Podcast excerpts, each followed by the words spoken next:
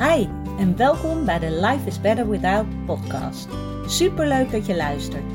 Mijn naam is Daphne en dit is de podcast voor iedereen die kampt met een eetprobleem en daar graag vanaf wilt. Als ervaringsdeskundige weet ik heel goed hoe het is om in jouw situatie te zitten, maar ik weet inmiddels ook hoeveel fijner het leven is zonder die eetstoornis. En dat gun ik jou ook.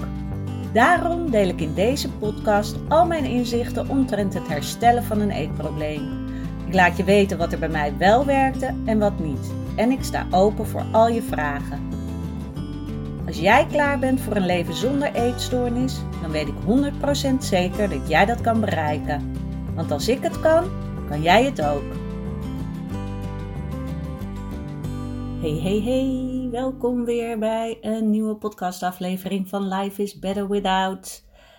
Het is uh, dinsdagochtend voor mij. Ik heb net mijn dochter naar school gebracht. Het is super saai weer buiten. Volgens mij gaat het ook de hele dag regenen. Dus nou, perfect moment om een podcast op te nemen. En misschien wel voor jou om te luisteren. Mocht je dat meteen vandaag al doen.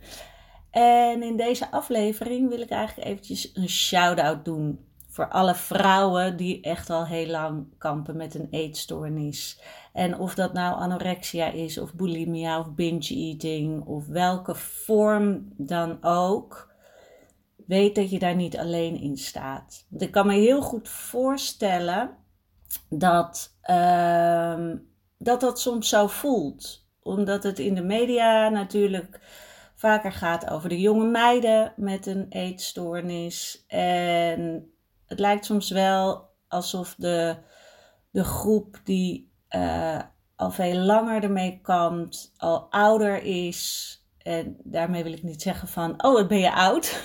maar ik mag het zeggen, want ik ben 44. dus um, ja, ik vind dat ik uh, best recht van spreken heb. Um, maar ik wil dat je weet dat je niet alleen bent hierin. En dat het niet raar is. Het is zonde dat je er nog steeds mee kampt. Maar het is niet raar. Je, je bent daarin niet alleen. Er zijn heel veel vrouwen die um, al uh, langer een eetstoornis hebben, of misschien pas op latere leeftijd een eetstoornis hebben ontwikkeld. Dat kan allemaal. Dus voel je daarin niet vreemd. En weet ook dat je ook dan juist hulp mag vragen. Want het is soms ook moeilijk als je er al zo lang mee kampt dat je denkt van, nou, dit wordt echt nooit beter. Het moet maar zo zijn. Um, dit is wat het is.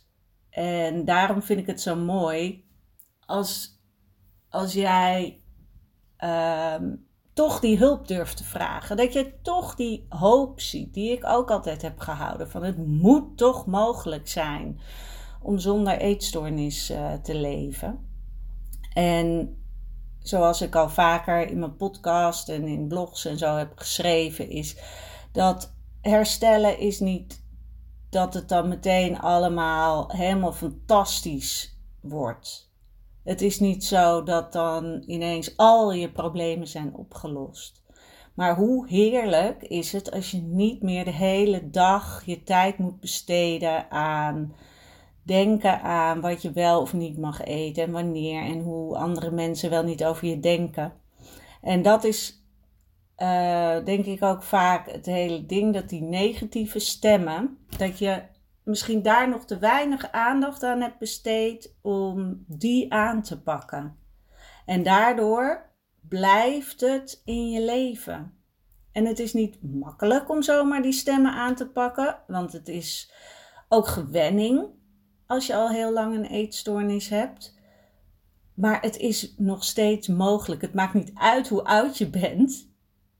Je kan altijd je mindset veranderen. En dat wil ik je meegeven: dat het echt mogelijk is om dat te veranderen.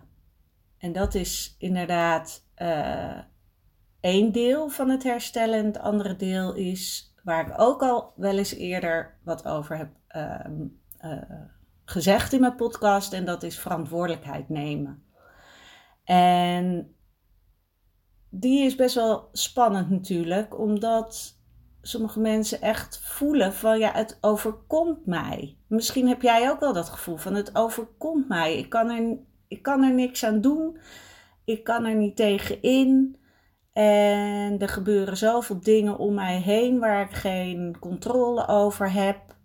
En dat zorgt ervoor dat ik in die eetstoornis blijf hangen.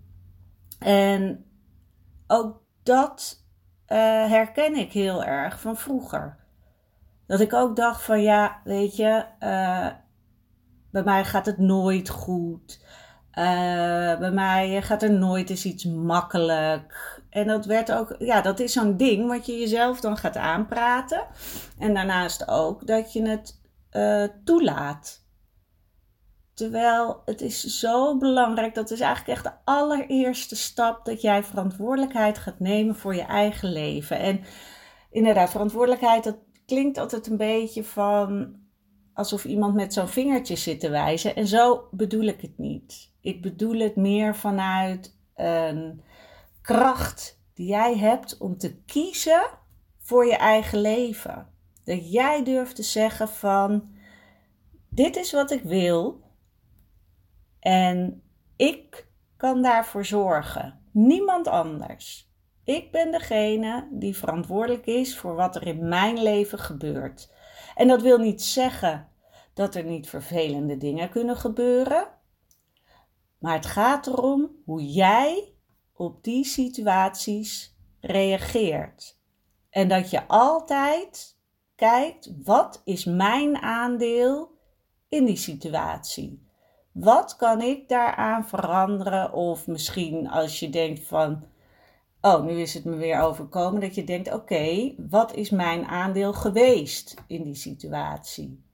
En dan kan je denken van, ja, maar nou kan ik er toch niks meer aan doen. Maar het heeft mij heel erg geholpen om als er iets gebeurde waarvan ik dacht, gadverdamme, waarom gebeurt dit? Terug te kijken van, oh ja, maar wat had ik dan kunnen doen om het anders te laten verlopen?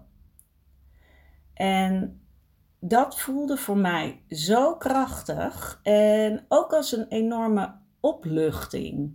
Het gevoel van, oh ja, ik had ook iets anders kunnen doen, waardoor het anders liep. En soms bijna dat je denkt, ja, uh, dat is wel heel ver gedacht.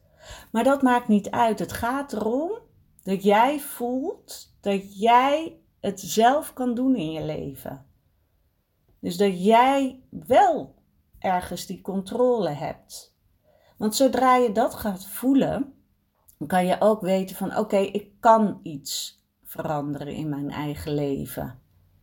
Ik kan dit zelf doen en ik ben niet afhankelijk van anderen.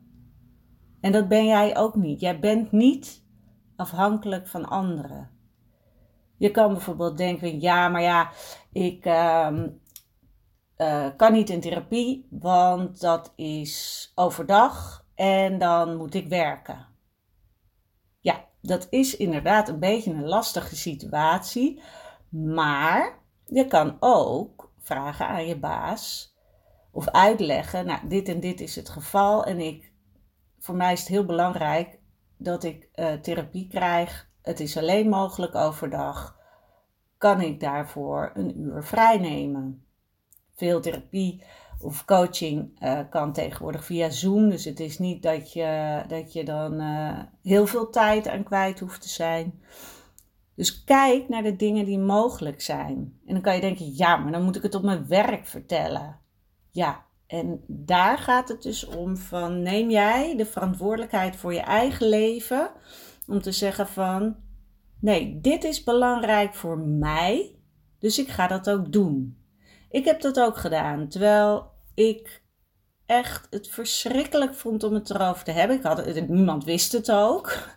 En uiteindelijk dan op mijn werk wel. Wat ook een beetje gek is, want mijn beste vriendinnen wisten het nog niet. Maar ik wist wel, het is zo belangrijk dat ik nu iets ga doen om mijn eetstoornis aan te gaan pakken. Dat ik wel die stap ga nemen. En ik was, ik vond het super spannend. Maar ze reageerden hartstikke goed. En ze, tuurlijk zeiden ze, tuurlijk moet je dat doen. Dat, daar staan we helemaal achter en we steunen je daarin. En dat is ook wat, wat ik je wil zeggen: van het hoeft niet zo te. Je, je kan het worst case scenario bedenken, maar je weet pas wat er gaat gebeuren als je het ook gaat vragen.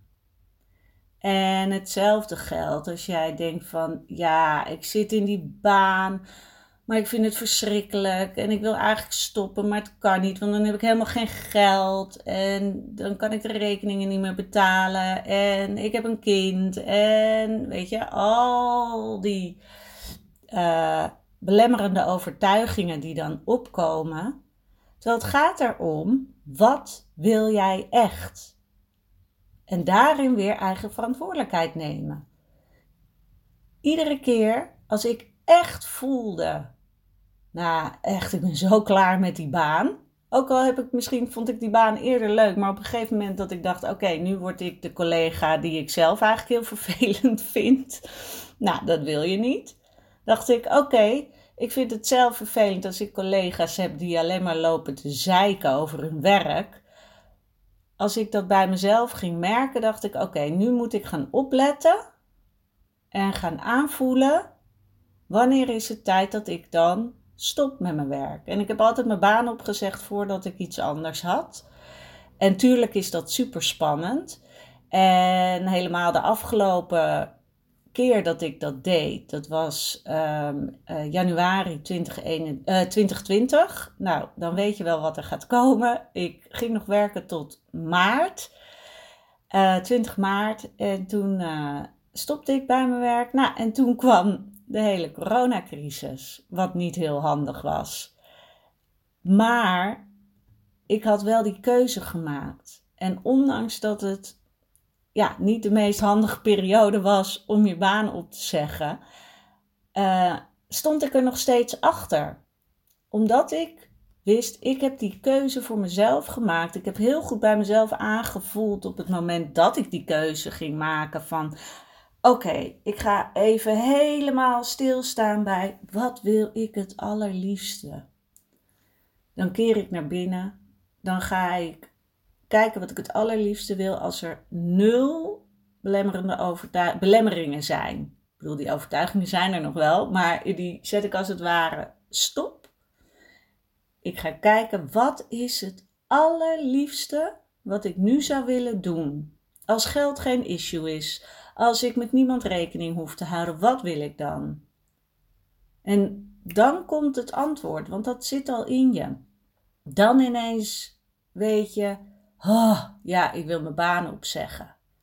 En ik zeg niet dat jij je baan moet opzeggen, hè, maar het gaat er even om om uh, je te laten zien dat je altijd een keuze hebt.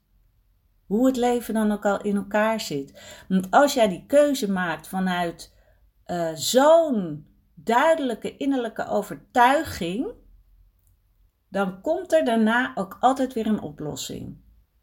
En is het meteen makkelijk? Is het meteen paradijs? Nee, dat hoeft niet. Kan wel, maar dat hoeft niet. Maar er komt altijd weer een oplossing.